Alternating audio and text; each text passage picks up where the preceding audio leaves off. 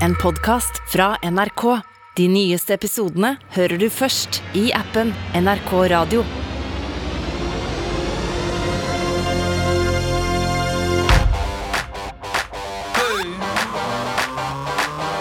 Popkorn over politikk med Sean Henrik Matheson. Fritt valg, sier du? Ja, på øverste hylle, da, eller? I Popkorn og politikk denne gangen skal vi snakke om mellomvalget i USA. Det er jo presidentvalgene som får mest oppmerksomhet, men annethvert år så er det små og store valg over hele USA som også er viktige. Verdens mektigste land har valgt presidenter, senatorer og kongressrepresentanter siden 1788. Men de siste to åra har folks tro på systemet fått en knekk. Ansvaret for det hviler først og fremst på én mann. States,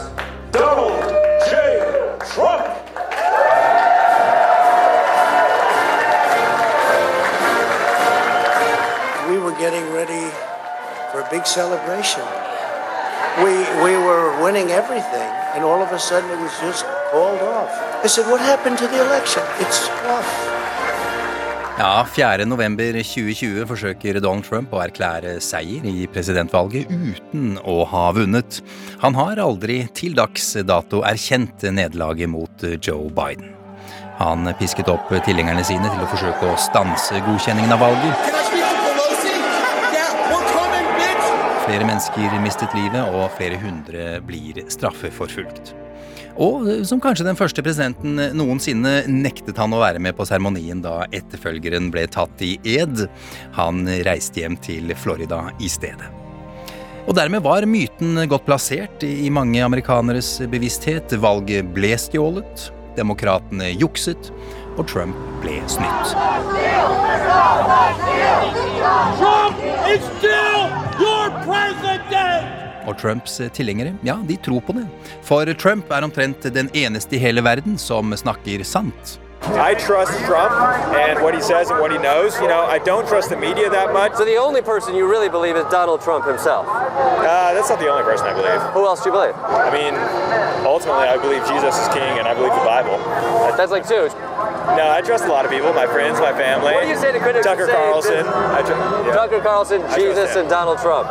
We used to like Fox. We don't like Fox. We don't, like, MSNBC. We don't like CBS. We don't like any of the fake news channels because they lie all the time. What happened to Fox? Was it their COVID coverage that turned you off? No. What about Hannity? I like Hannity. Tucker. Tucker. and Tucker. Yes. So just two hours every day of Fox News, otherwise it's a complete boycott. Yes, absolutely.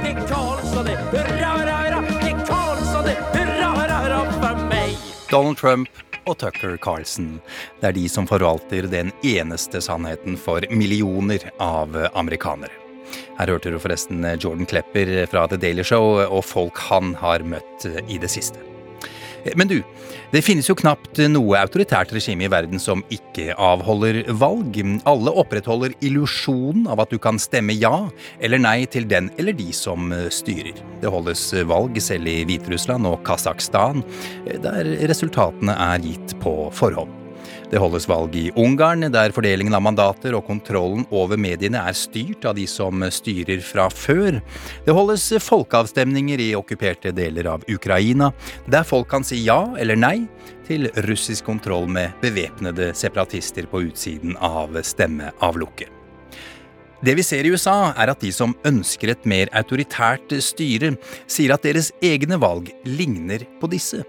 At valget i fjor, som det amerikanske embetsverket slo fast var det tryggeste og sikreste noen gang, egentlig bare var en stor konspirasjon av fusk og løgner for at Donald Trump skulle tape.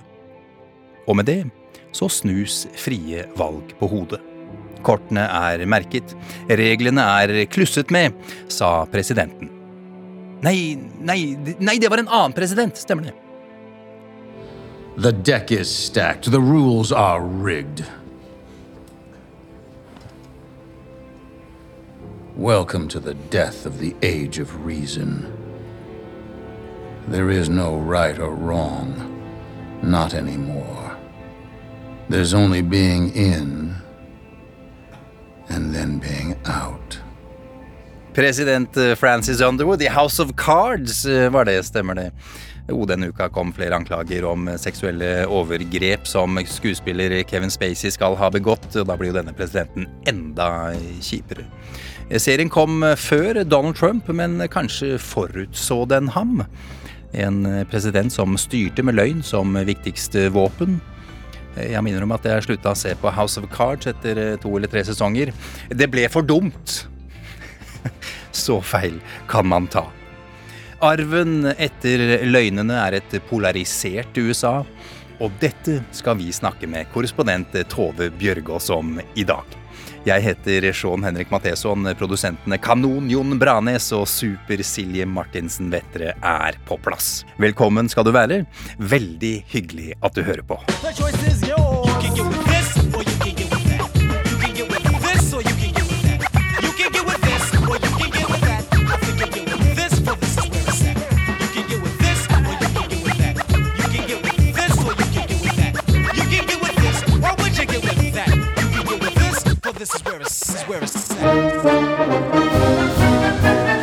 Mellomvalget. Ja, det kalles det fordi det er mellom presidentvalgene. Og det er nye representanter som skal inn i både Representantenes hus og i Senatet. Det er som du vet to kamre i Kongressen, USAs lovgivende forsamling. I november er alle de 435 setene i huset på valg. I Senatet er det 34 seter som er på valg akkurat i år. Før valget har demokratene flertall i begge kamrene, i hvert fall i teorien. I huset har de 221 mot 212. I Senatet er det 48 til demokratene og 50 til republikanerne, to uavhengige. Det er visepresident Kamala Harris som leder Senatet. Hun har dobbelt stemme. Men det er ikke alltid det hjelper, fordi det er et par demokrater som ofte liker republikansk politikk bedre enn demokratenes egen. Mener ikke å ødelegge spenninga her, men det er viktig å vite at historisk sett så er det med veldig få unntak slik at den sittende presidenten, altså dvs. Si partiet den sittende presidenten representerer, taper representanter i de to kamrene ved mellomvalg. Kan også nevne at 36 stater også holder guvernørvalg. Guvernøren er lederen i hver enkelt stat.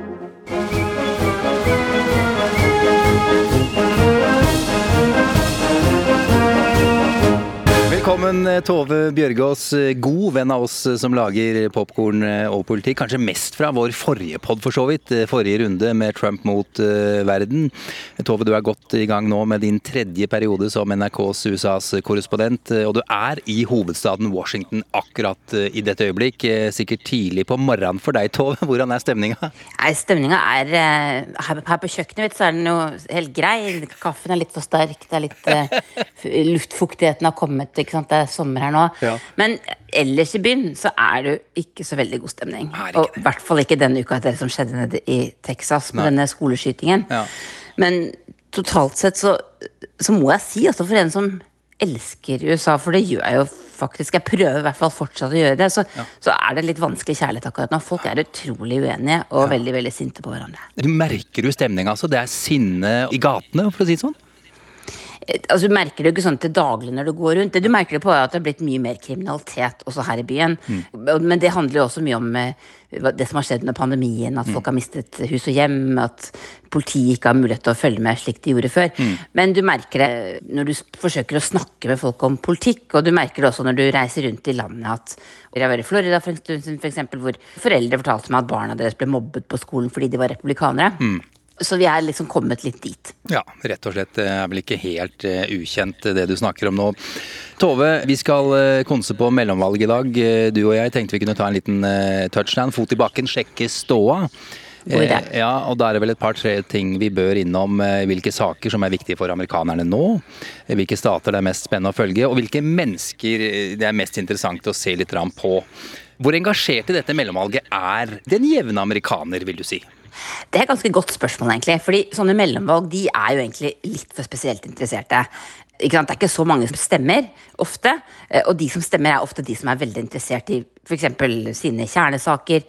Men nå er USA i en veldig spesiell situasjon. Mange flere følger mer med enn en før. Selv om at mange også er drittlei politikk, så, så, tror jeg kanskje vi kommer til å se litt sånn som vi så vi har sett ved noen mellomvalg tidligere, f.eks. i 2018, da Trump var president, at, at, det kommer kanskje til å bli litt høyere valgdeltakelse. Mm. Rett og slett fordi folk eh, er bekymra for landet sitt på ulike måter. Ja, ja på hver sin side av skalaen, holdt jeg på å si. Ja. Forrige uke så hadde vi Sigrid Rege Gårdsvold på besøk, USA-ekspert.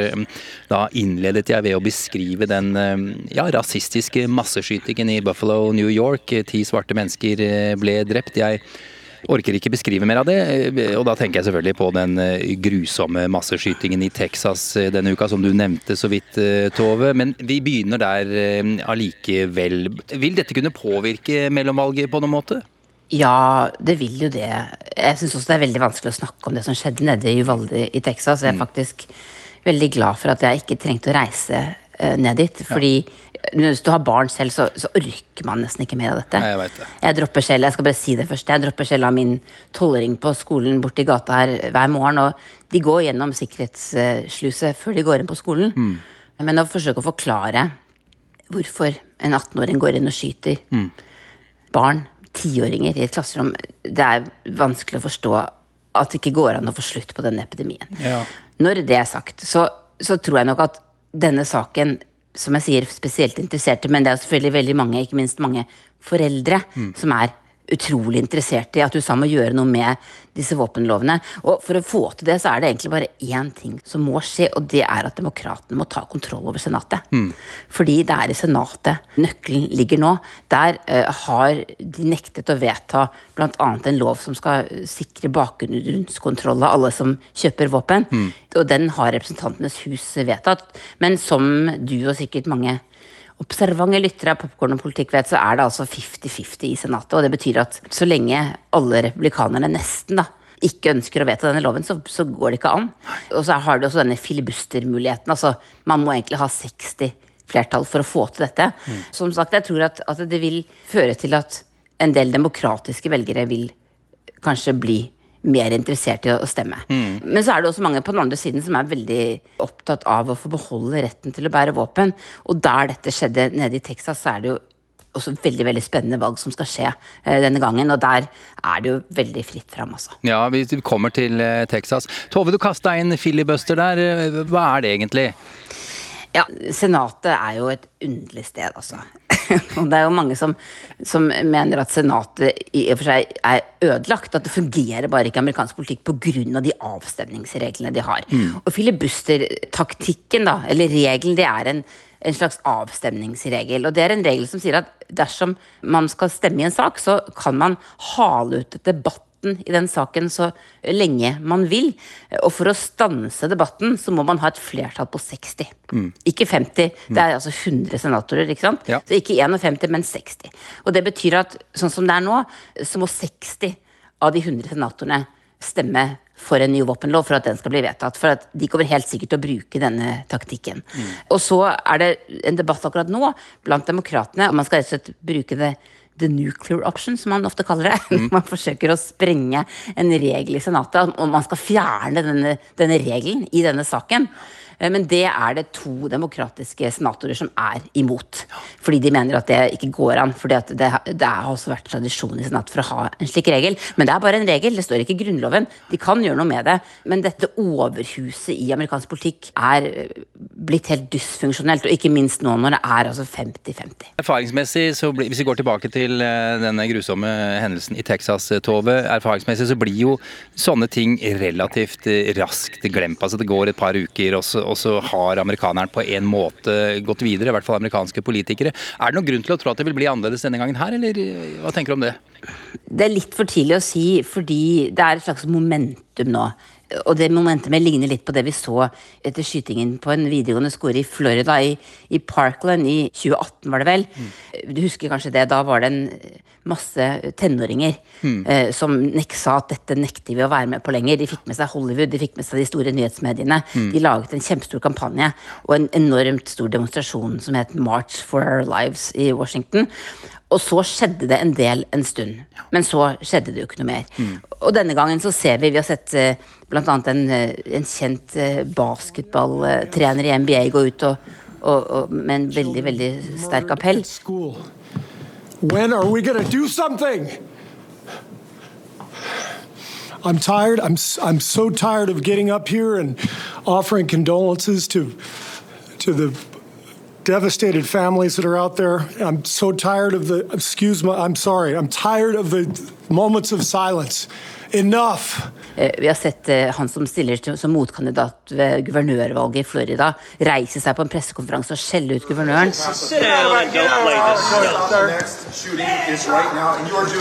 Eh, vi ser mange demokrater nå forsøke å f.eks. tvinge gjennom en avstemning i, i, Senatet. Men jeg tror at det kommer til å bli som det har blitt før. At det kommer til å vare en uke eller to, og så går man tilbake til å ikke gjøre noe med eh, dette.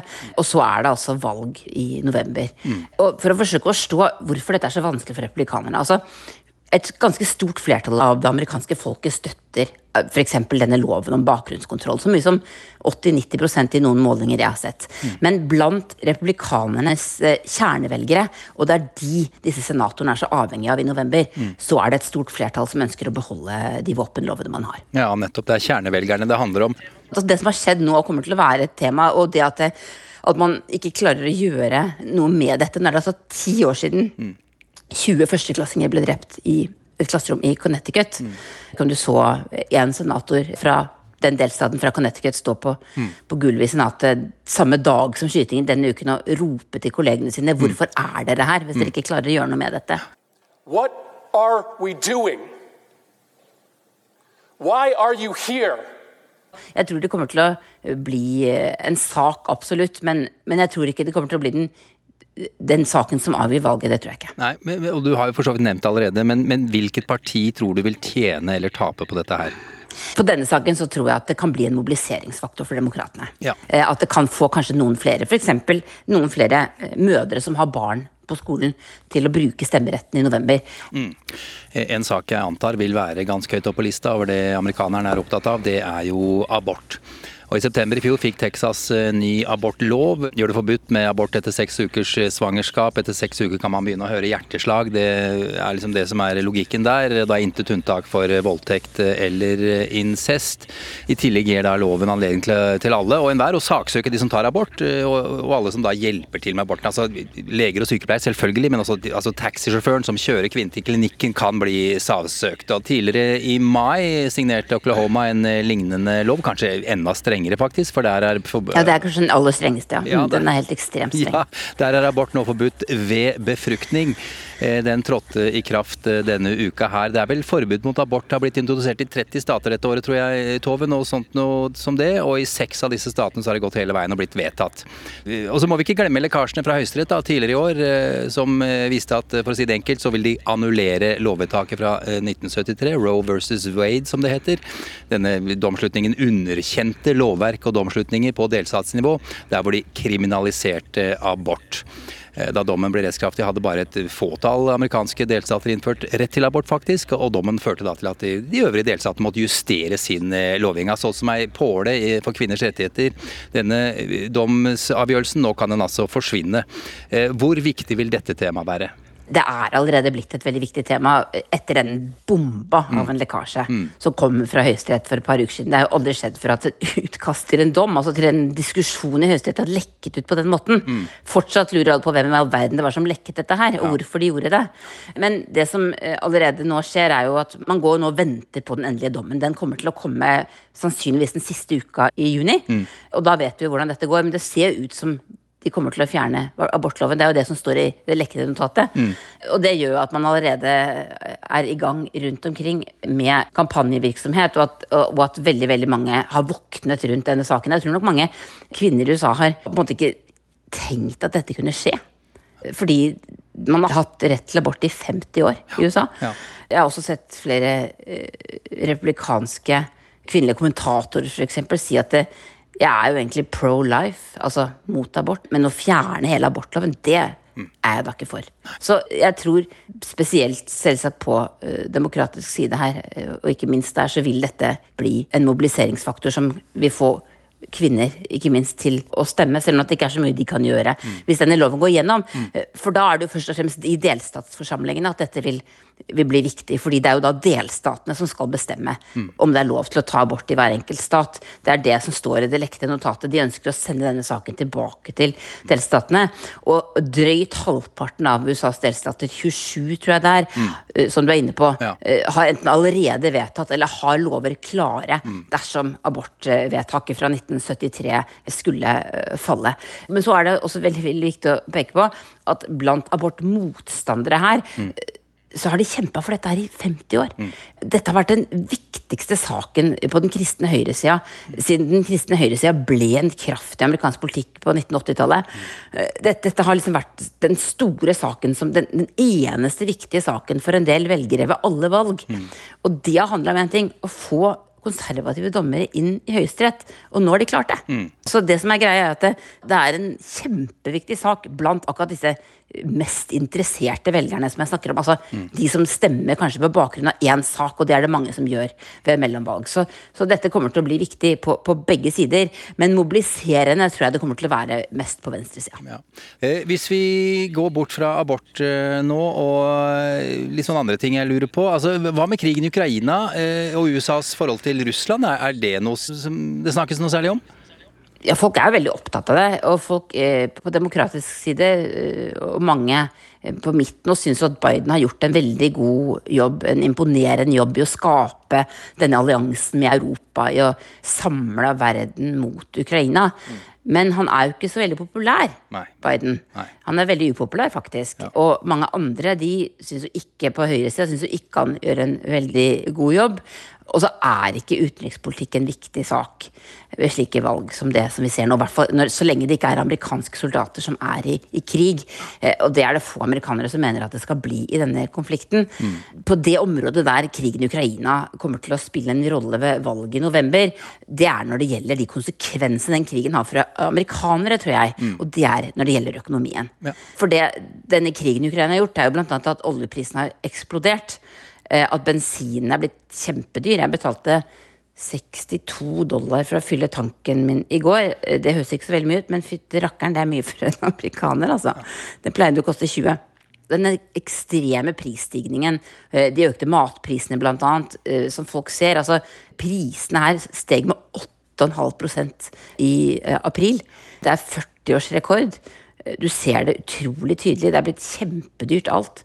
Eh, Og det har konsekvenser for alle amerikanere. Og sånn sett så kommer krigen til å, til å bli viktig ved valget. Arbeidsmarkedet er jo kjempegodt. Det er jo massevis av jobber folk kan få. Men som du vet, så er det ikke alle de jobbene som betaler eh, like mye. Eh, og spesielt de unge merker dette. Det er veldig veldig vanskelig for folk i 30-åra å komme seg inn på boligmarkedet. Det er utrolig krevende å etablere seg i et sånt samfunn. Og nå, for eh, fire uker siden, så satte de altså opp renta med en halv prosent her. Ja. Eh, og renta kommer til å fortsette å gå opp. Dermed så kommer folk til å få mer boliglånsutgifter. Og det som eh, man er redd for nå, det er en sånn situasjon som det man hadde på slutten av 70-tallet, såkalt stagflasjon. Vet du hva det er? Ja, ja, du må forklare det. Jeg er ikke helt sikker. Altså, det er jo som stagnasjon og inflasjon på en gang. Altså Ja. At prisene går veldig opp, men at økonomien samtidig bremser opp. Og det er det veldig vanskelig å komme seg ut av. Det opplevde amerikanerne på, på 80-tallet. Eh, Så dette er en skikkelig hodepine for Biden. Fordi det demokratene ønsker å gjøre, det er jo å, pumpe enda mer penger inn i, i økonomien i form av offentlige tiltakspakker av ulike slag. ikke sant? Og det vil jo bare gjøre det problemet enda større. Ja, jeg skjønner. Popkorn. Og politikk.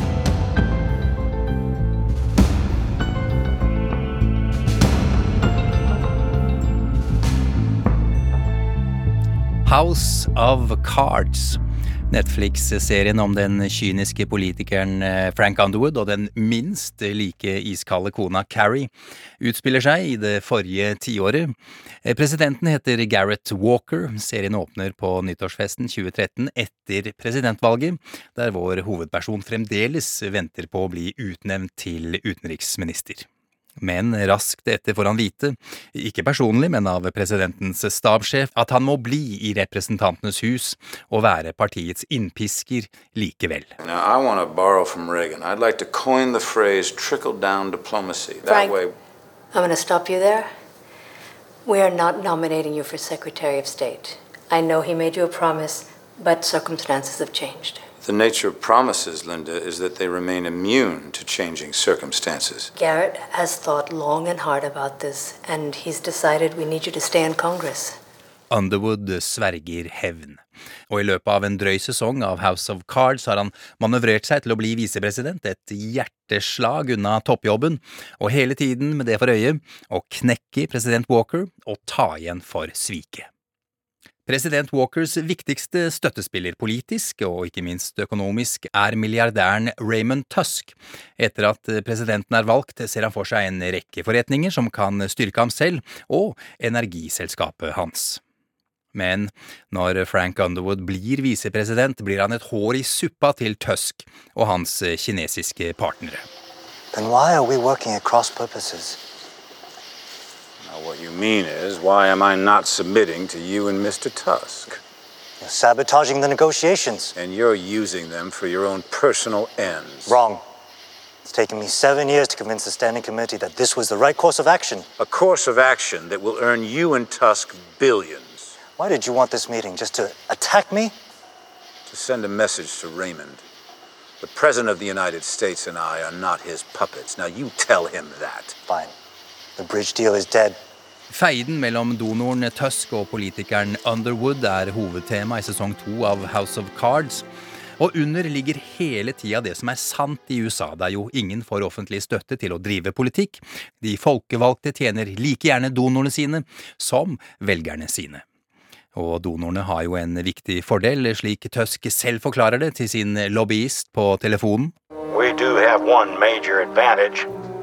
The public can hate me, but as long as Clayton West remains profitable, my stockholders won't care. Frank doesn't have the same liberty. Public opinion can demolish him. You need to make sure that happens.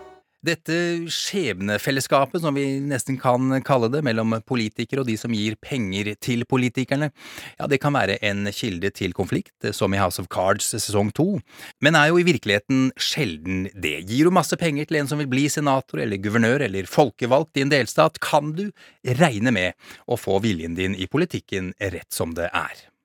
For selv fiender kan jobbe sammen mot felles fiender, sier jo Frank Underwood. I slutten av sesong to møter han Raymond Tusk i hemmelighet. Siden sist er president Walker stilt for riksrett, og Tusk er truet med fengsel. Visepresident Underwood kan sørge for å få ham felt og benåde Tusk. Men først må milliardæren overtales til å bytte side. Let's say Walker squeaks by. Yes, you get your pardon, but you bound yourself at the hip to a man who has zero political capital. And if he gets convicted, we all go to jail. There's no pardon for anyone. I'll roll the dice. Raymond, think like a businessman. Haven't you built a fortune by minimizing risk? Isn't that why you stacked Congress all these years? Why you guided Garrett to the Oval and why you kept me on his whip? Walker is a junk bond quickly depreciating, whereas I can end the conflict with China and keep you in the black. You can't promise better relations with China. I wrecked them, I can repair them. Now let's work together, as we always intended to do. Ja, House of Cards der, Tove. Forholdet mellom donorer og politikere, er det like tett i USA på ordentlig som det er i denne serien her?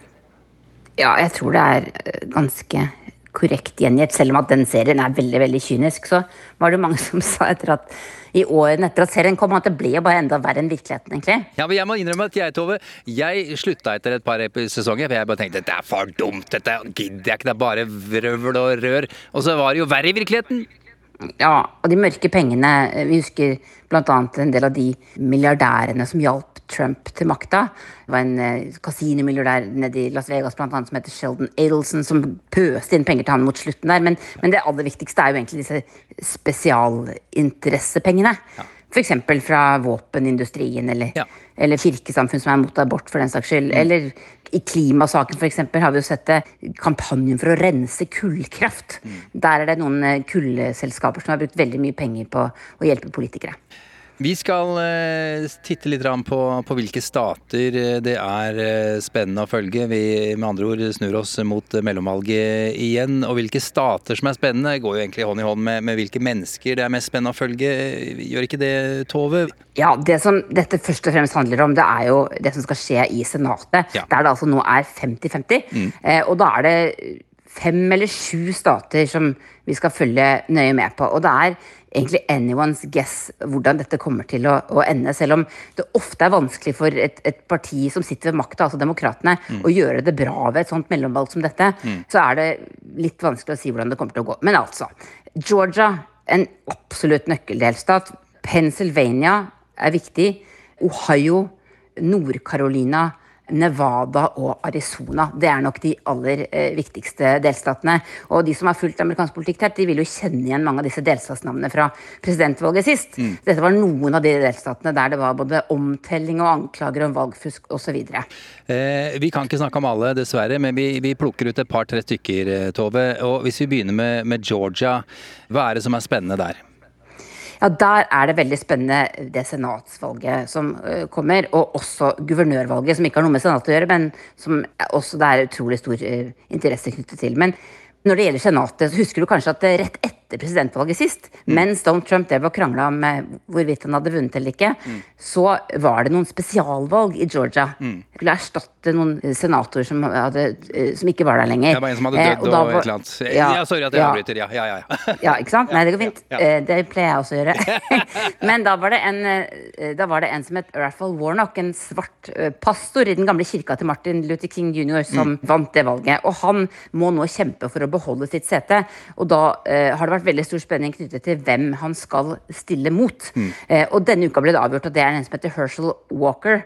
Den største spenningen det var om de kandidatene som Donald Trump har gått inn for der nede, ville vinne primærvalget som var eh, på 17. mai. Mm. Og det gjorde de i grunnen ikke. Eh, selv om også Herschel Walker eh, støtter Trump, så har han også vært mer opptatt av andre kandidater. Så de to skal stille i senatsvalget der. Mm. Men når det gjelder guvernørvalget, så blir det et skikkelig basketak.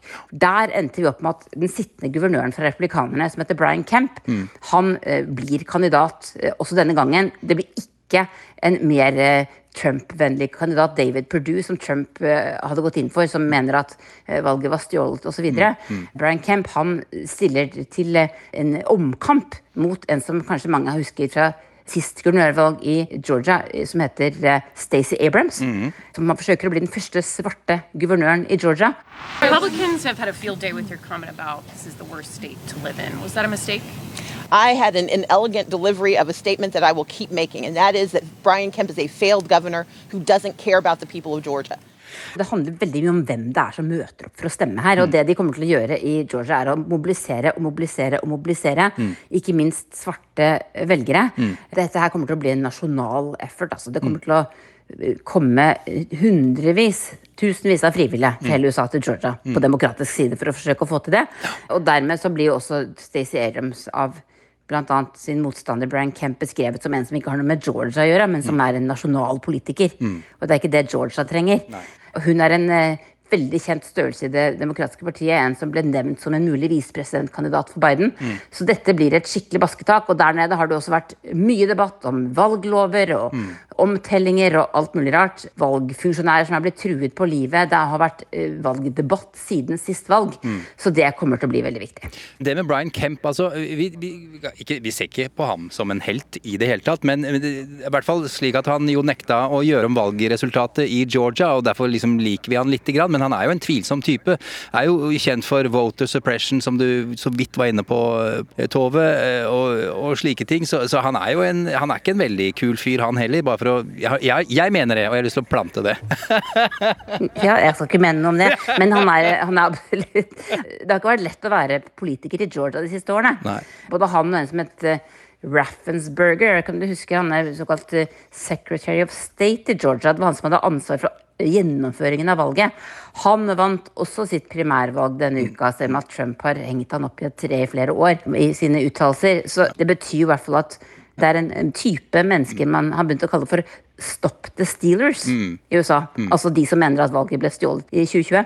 Og at de vant ikke fram i Georgia. Eh, Det sier litt om at det kanskje ikke er så dårlig stilt med demokratiet som noen hadde fryktet. Du nevnte Raffensberger, hadde jo ansvaret for, for valget, som sier. Det var jo han som fikk denne telefonen fra Donald Trump. I just want to find uh, 11,780 votes, which is one more than we have, because we won the state. I only need 11,000 votes. Fellas, Kom igjen, da! Gi meg 11 000 stemmer, da! Kom igjen! Fy søren, altså. Det er ikke rart å høre den stemmen. Ja, ja, Det er ut som han, eh, kjempe- han er på nachspiel, vet du. Høres ut som han ringer fra nachspiel. Skjønner hva du mener. Hvis du drar til Atlanta, da, som er den største byen, skal du ikke dra mer enn liksom, 20 minutter ut av byen, så er du på et kjempekonservativt republikansk sted. Mm. Eh, Så dette er en delstat med et veldig omland der det er veldig konservativt mange steder. Ja. Men det er også stor tilflytting. Så ja. det vil veldig mye handle om hvem det er som bruker stemmeretten. Mm. La oss flytte oss til en annen stat. Jeg har plukka meg ut eh, Ohio eh, her, eh, Tove. Og da handler Ja. det om senatsvalget. Der Ja. er det en republikansk kandidat som heter JD Vance. Det er litt av en type. Fortell hvorfor vi skal følge med på ham, eh, Tove. Ja, det er litt av en type. Altså, JD Vance har skrevet en bok, og det er kanskje noen som har sett en film Mm. som heter Hillbilly Elegy. Det var en bok som ble veldig populær etter at Trump vant valget i 2016. Han skriver der en slags selvbiografi. Han kommer fra den fattige fjellområdet Appalachia sør i Ohio, eh, og beskriver på en måte hvorfor hans eh, arbeiderklassefamilie, fattig arbeiderklassefamilie der eh, ble så konservativ. Selv om at man kanskje skulle tro at de heller burde være for større offentlig inngripen i økonomien, f.eks. So, take Utah, for instance. In Utah, a poor kid is actually doing okay, very likely to live their share and their part in the American dream. But if you think of where I'm from, in the South, in Appalachia, in southern Ohio, it's very unlikely that kids like that will rise. The American dream in those parts of the country is, in a very real sense, just a dream. So, why is that happening? Nå har altså da JD Vance gått fra å være en eh, Han gikk på de fine skolene, han endte vel opp på Yale Law School, tror jeg. Og så ble han investor etter det. Mm. Skrev denne boka, tjente masse penger på det. Og så har han så blitt politiker. Og en ganske spesiell politiker. Han er jo på mange måter eh, veldig konservativ, litt sånn reaksjonært konservativ. Mm. Som kjente Fox-programlederen Tucker Carlson, som mange kanskje kjenner til, Mm. har eh, bredt sine vinger utover. Samtidig så mener han at f.eks. så bør staten hjelpe sånne som hans familie da, Mm. til å få det litt bedre. At man bør gjøre noe med forskjellene i, i USA. Men han vant altså eh, nominasjonsvalget i Ohio, Mm. eh, og, og da skal han stille mot en tidligere kongressrepresentant som heter Tim Ryan, eller han sitter i Representantenes hus nå, Mm. fra, fra Demokratene. Og de skal da kjempe om setet til en republikaner som går av med pensjon, som heter Rob Portman, som er en litt mer moderat republikaner. Han er litt sånn mer Mitt Romney-aktig. Så det blir eh, veldig spennende. Det er altså et republikansk sete som republikanere må beholde om de skal ha noe håp om å få flertall. Mm. Men JD Vance er helt sikkert den vi kommer til å høre mye fra i, i, i valgkampen. Ja. Eh, La oss eh, gå til eh, Texas, Tove. Greg Abbott mot Beto O'Rourke. Greg Abbott han er sittende guvernør. Jo, han som innførte disse strenge abortlovene vi så vidt var innom tidligere. Han hadde en pressekonferanse om skytingen i, staten hans tidligere denne uka. Da vil også hans motstander Beto O'Rourke ha med et par ord. Hør på dette her. Sit down and don't play this stuff. The next shooting is right now, and you're doing nothing. No, You're off he needs to get his ass out of here. This isn't the place to talk this over. This is totally predictable when you. Sir, you're out of line. Sir, you are out of line. Sir, you are out of line. Please leave this auditorium. I can't believe you're a sick son of a bitch that would come to a deal like this to make a political issue. Det er litt, Ja. av en, litt av en tone de har eh, her, Tove. Det er det, det har blitt en del debatt etterpå om hvem er det egentlig som er sick son of a bitch. Ja. Beto O'Rourke er jo en terrier. Dette er tredje gang han forsøker seg på revolusjon i politikken i Texas. Han stilte altså opp til guvernørvalg sist og tapte. Han forsøkte seg altså på senatsplassen til Ted Cruz og tapte. Og nå prøver han seg en gang til på guvernørvalget. Texas er jo juvelen i kronen for demokratene. Den dagen de klarer å ta Texas i senatet eller guvernørvalget i Texas, så har de forandret amerikansk politikk for lang tid framover, sannsynligvis. Fordi Texas er det så store befolkningsendringer. Dette er altså USAs tredje mest folkerike delstat. Den er veldig konservativ. Du er inne på en veldig konservativ abortlov de akkurat har vedtatt. Men det er enorm tilflytting til Texas. Folk vil bo der. Eh, masse unge folk flytter dit. Det er masse arbeidsplasser der. Jeg elsker Texas, jeg elsker å dra dit. Men på et eller annet tidspunkt så kommer nok det til å bli flere eh, demokratiske makthavere i den delstaten. Og, og dette guvernørvalget i år blir en, en test. Men jeg tror det skal bli tøft for O'Rourke igjen, men han gir seg altså ikke. Og som jeg var inne på med Stacey Abrams, også han blir jo sett på som en nasjonal politiker. Og det at han reiste seg på denne pressekonferansen, kan man jo se på som en, en del av hans valgkamp. Men han er åpenbart også helt rasende over det som skjedde, at man ikke kan snakke om, om disse våpenlovene, og at den delstaten han eh, stiller til valg i, har altså de mest liberale våpenlovene i hele USA. Ja. Jeg Bare nevner at eh, Ted Cruz, eh, som han eh, kjempet mot, eh, var i 2018, eh, Tove. Han er også en av eh, republikanerne som sier at demokratene bare prøver å skåre billige politiske poeng. Kan Kan høre hva han eh, har sagt til britiske Sky News. There are 19 sets of parents who, who are never going to get to kiss their child goodnight again. Is, this the moment to reform gun laws? You know, it's, it's easy to go to politics. But it's important. It's at the heart of the issue. I, I get that that's where the media likes to go. It's not. It's where many of the people we've talked to here like to go. The proposals from Democrats in the media, inevitably, when some violent psychopath murders people, A violent psychopath who's able to get a weapon so easily.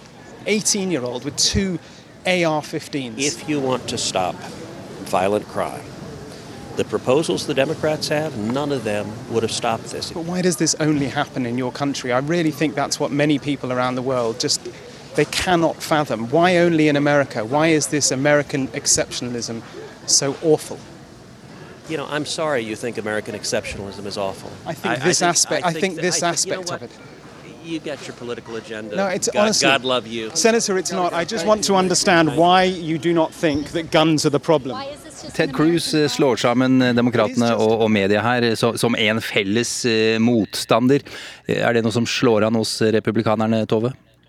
Ja, og han Denne reporteren fra Storbritannia stiller jo de betimelige spørsmålene som mange lurer på, men når han begynner å snakke om amerikansk eksepsjonalisme, altså.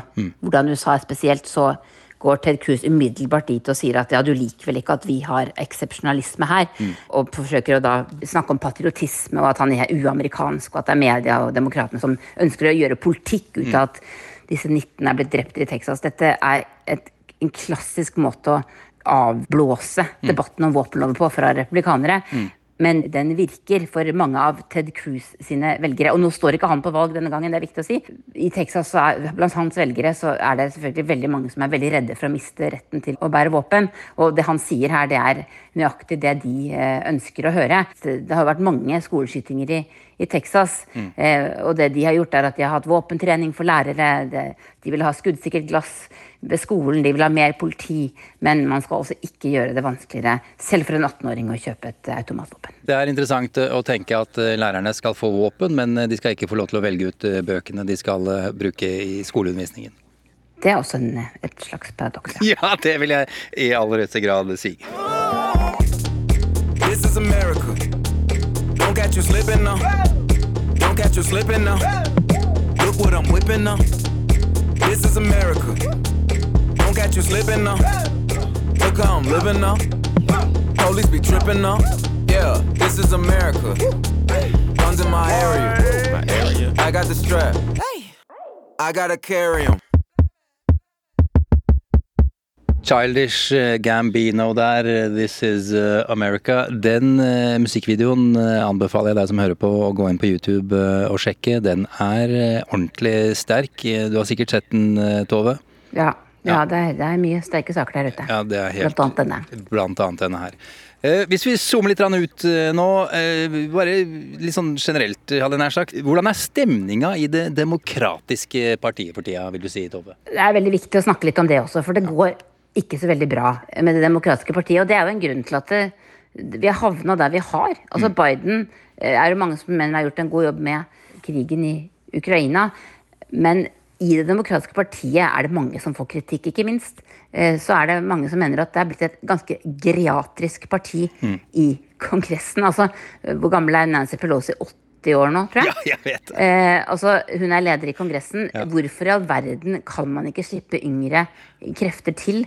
Eh, hvorfor er man så redde for de eh, som er lenger ut på venstresida i partiet, som unge velgere åpenbart eh, liker? Hva skal partiet eh, gjøre for å fornye seg?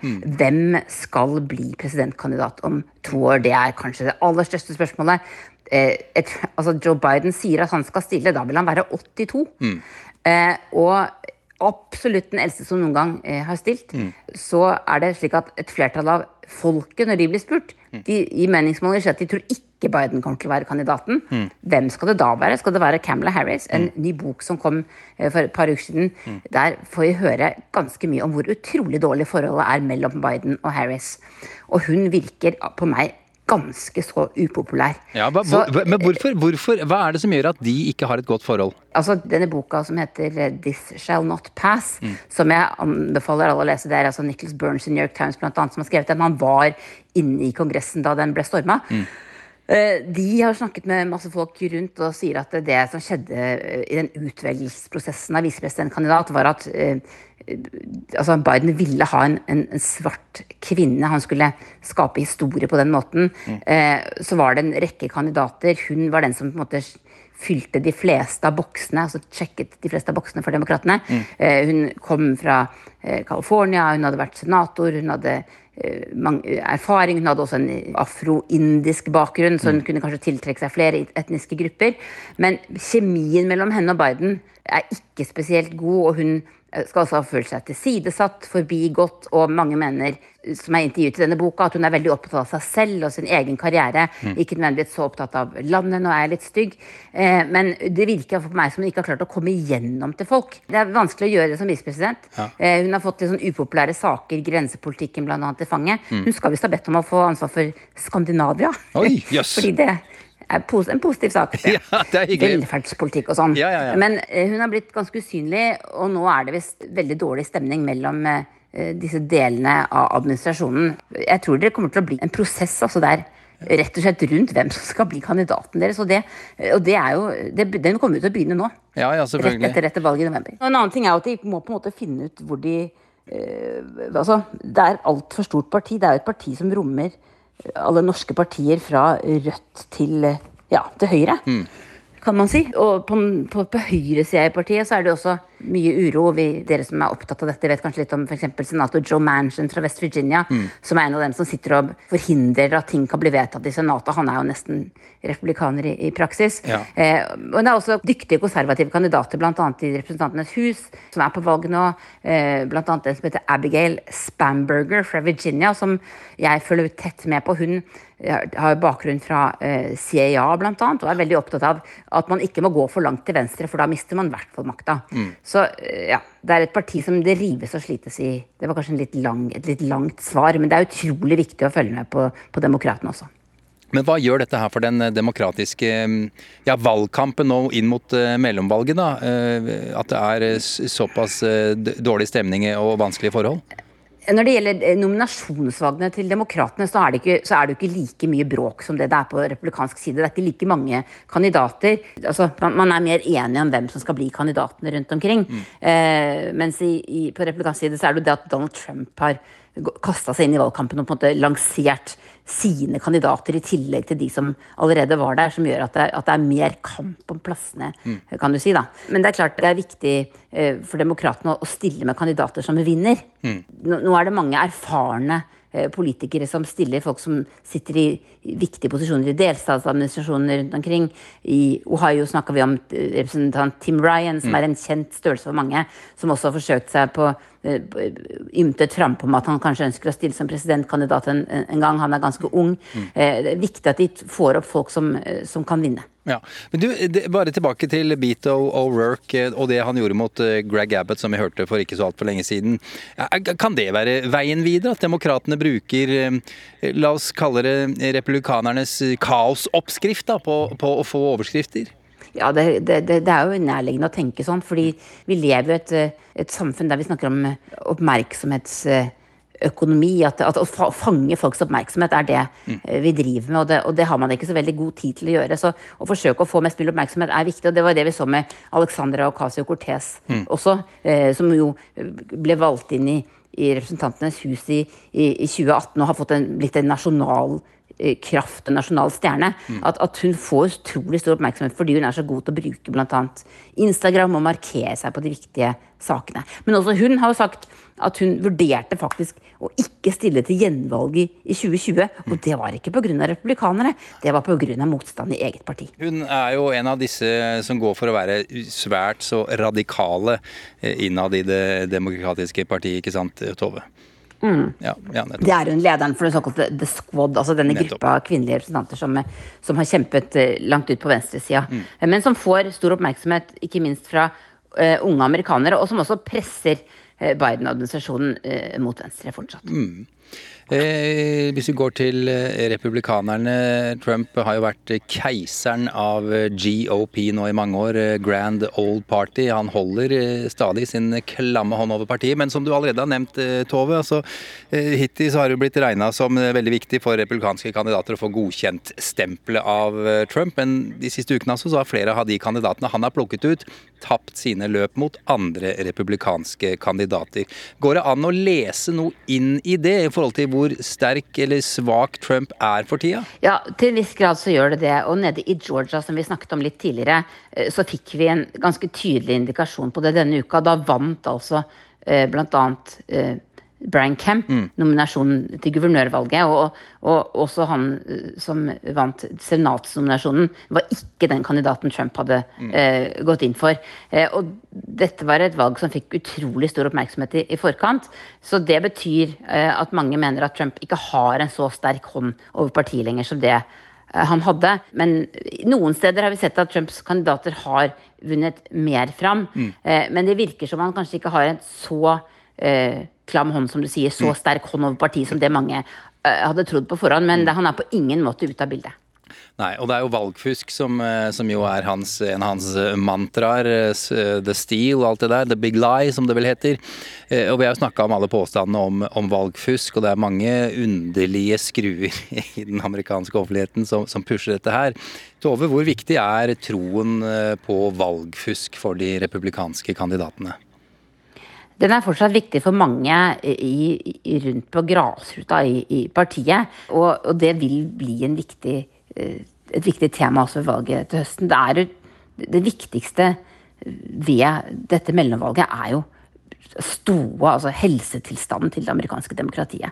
Eh, og hvorvidt folk i det hele tatt har tillit til at det, det å gå og stemme faktisk hjelper. At, at de faktisk ønsker å ha et, et, et demokrati. Eh, og det er mange, som Lindell, som, som mener at, at det er juks. At det var juks med opptellingsmaskiner, at det var bambus fra Kina i, i valgmaskinene. Jeg vet ikke om akkurat han mener det, men det er det noen som har sagt. Eh, og at det er eh, all verdens teorier som blir eh, lansert. Og eh, vi husker jo også veldig godt hva som skjedde 6.1.2021, Mm. eh, da Kongressen ble stormet. Mm. Eh, og, og alt det som eh, med Quanon og, andre typer eh, konspirasjonsteorier som faktisk eh, hadde blitt så viktige for folk at de, eh, at de valgte å reise til Washington for å bryte seg inn i nasjonalforsamlingen eh, på en måte vi aldri har sett før. Ja, ja. Eh, Nå har du nevnt eh, konspirasjonsteorier, og du har nevnt QAnon her. Eh, Flere av de republikanske kandidatene er jo langt over i, i konspiland. Jeg vet at i hvert fall 26 av statene det skal holdes valg i, så, så er det folk som tror på ja, f.eks. QAnon-konspirasjon. At det finnes en deep state, en, en hemmelig organisasjon innad i systemet på et vis. De som egentlig drar i trådene. Og de samme folka tror at demokratene er pedofile og drikker ja, er det spedbarnsblod eller noe sånt noe, Tove. Noe sånt. Eh, Noe sånt noe. Eh, altså, hvordan blir USA dersom denne gjengen her eh, ja, får, kommer i posisjon? Jeg tør nesten ikke å tenke på det, og det er jo der den der vanskelige kjærligheten dukker opp for Ja. mange av oss som, som er glad i dette landet, fordi man synker så dypt, og, og det er så mye som er basert på en løgn, og de sosiale mediene som er skapt i uh, dette landet, klarer ikke å stanse den epidemien dette her har blitt. Eh, og vi så også nå ved, ved nominasjonsvalg, bl.a. i Georgia, at eh, en av de mest kjente konspirasjonsteoretikerne som er valgt inn i Kongressen, Marjorie Taylor Greene, hun Mm. ble renominert. Ja. Eh, hun er det mange som har forsøkt å bannlyse. Hun har blitt fjernet fra kongresskomiteer. Mm. Eh, og hun har jo pushet mange av disse teoriene. Eh, så, så det er det at det lever at det lever og fortsetter å leve, eh, er, er skremmende nok, syns jeg. Eh, spørsmålet er hvor, stor, hvor stort politisk grep det faktisk får. Eh, altså hvor viktig det faktisk blir. Mm. Også ved valgene. Og som du sier, 26 delstater. Det er mange, Mm. det er mange politikere som er enig i dette her. Mm. Et sted vi så det ganske Selv om at man må følge ganske godt med kanskje for å få det med seg noen ganger. Når, når det var høringer i Senatet for den nye høyesterettsdommerkandidaten til Joe Biden, Mm. Som, som jo har blitt eh, nominert nå, uh, Ketanji Brown eh, Jackson, Mm. hun fikk veldig mange spørsmål om, eh, om barnepornografi i den høringen. Ja. Eh, og eh, hun har jo vært dommer i noen saker der noen republikanere mente at hun hadde dømt for strengt mot dem som spredte barnepornografi. Mm. Men denne veldig, dette veldig fokuset på pedofili og barnepornografi Mm.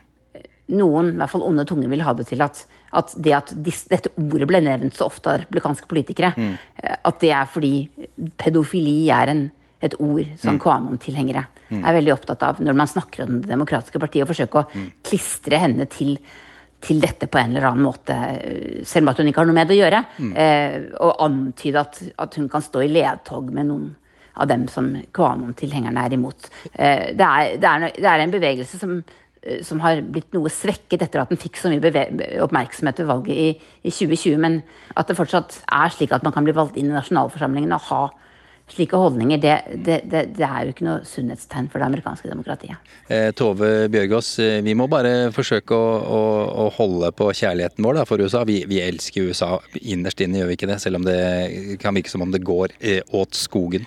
Vi, vi gjør det. det, vi gjør det. det, det er eh, bare litt vanskelig å, å gjøre det noen ganger. Og så er det også litt det at eh, som sagt, jeg, jeg elsker også å reise f.eks. til Texas eller Ja. til Florida og snakke med folk på begge sider. Og det er utrolig mye hyggelige mennesker her. Ja. Men det er, det er denne avgrunnen mellom de to sidene som gjør det så vanskelig. Ja. Tove, tusen takk skal du ha. Takk for at jeg fikk være med.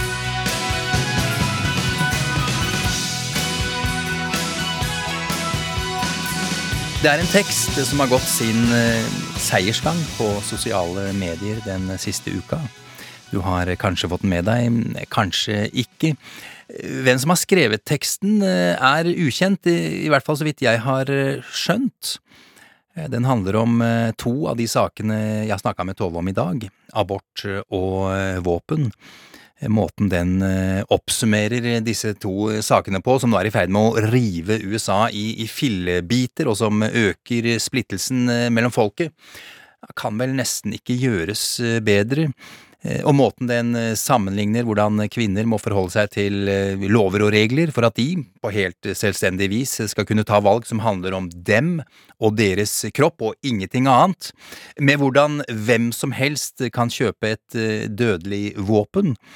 Ja, jeg tror det er vanskelig å gjøre det noe særlig tydeligere. Hva om vi behandler enhver ung mann som har lyst til å anskaffe seg et våpen, med kvinner som ønsker å ta abort?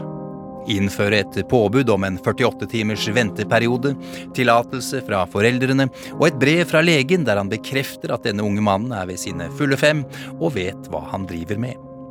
Han må se en video som viser hva slags skader skytevåpen kan påføre mennesker, og en ultralydstav opp i rumpa, bare fordi.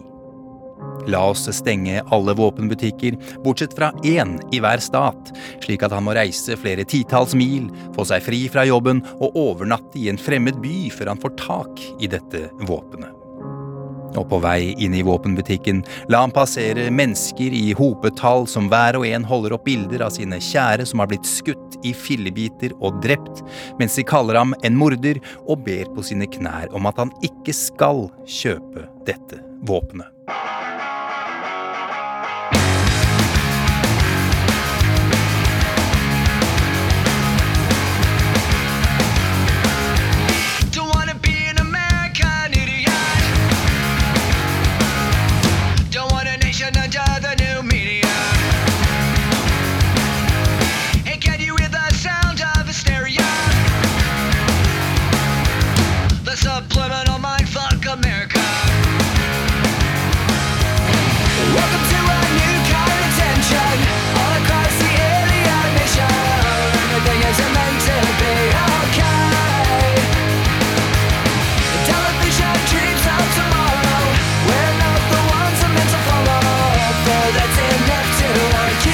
Du har hørt en podkast fra NRK.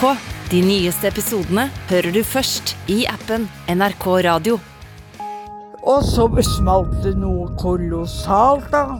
For 80 år siden starta tungtvannsaksjonene som skulle hindre at Nazi-Tyskland fikk laga atombomber. Ich brauche 5000 Kilo. Hva skjedde egentlig før, under og etter sabotasjeaksjonene på Rjukan under andre verdenskrig?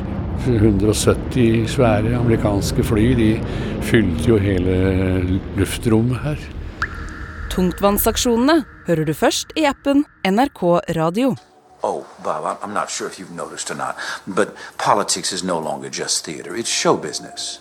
So let's put on the best show in town.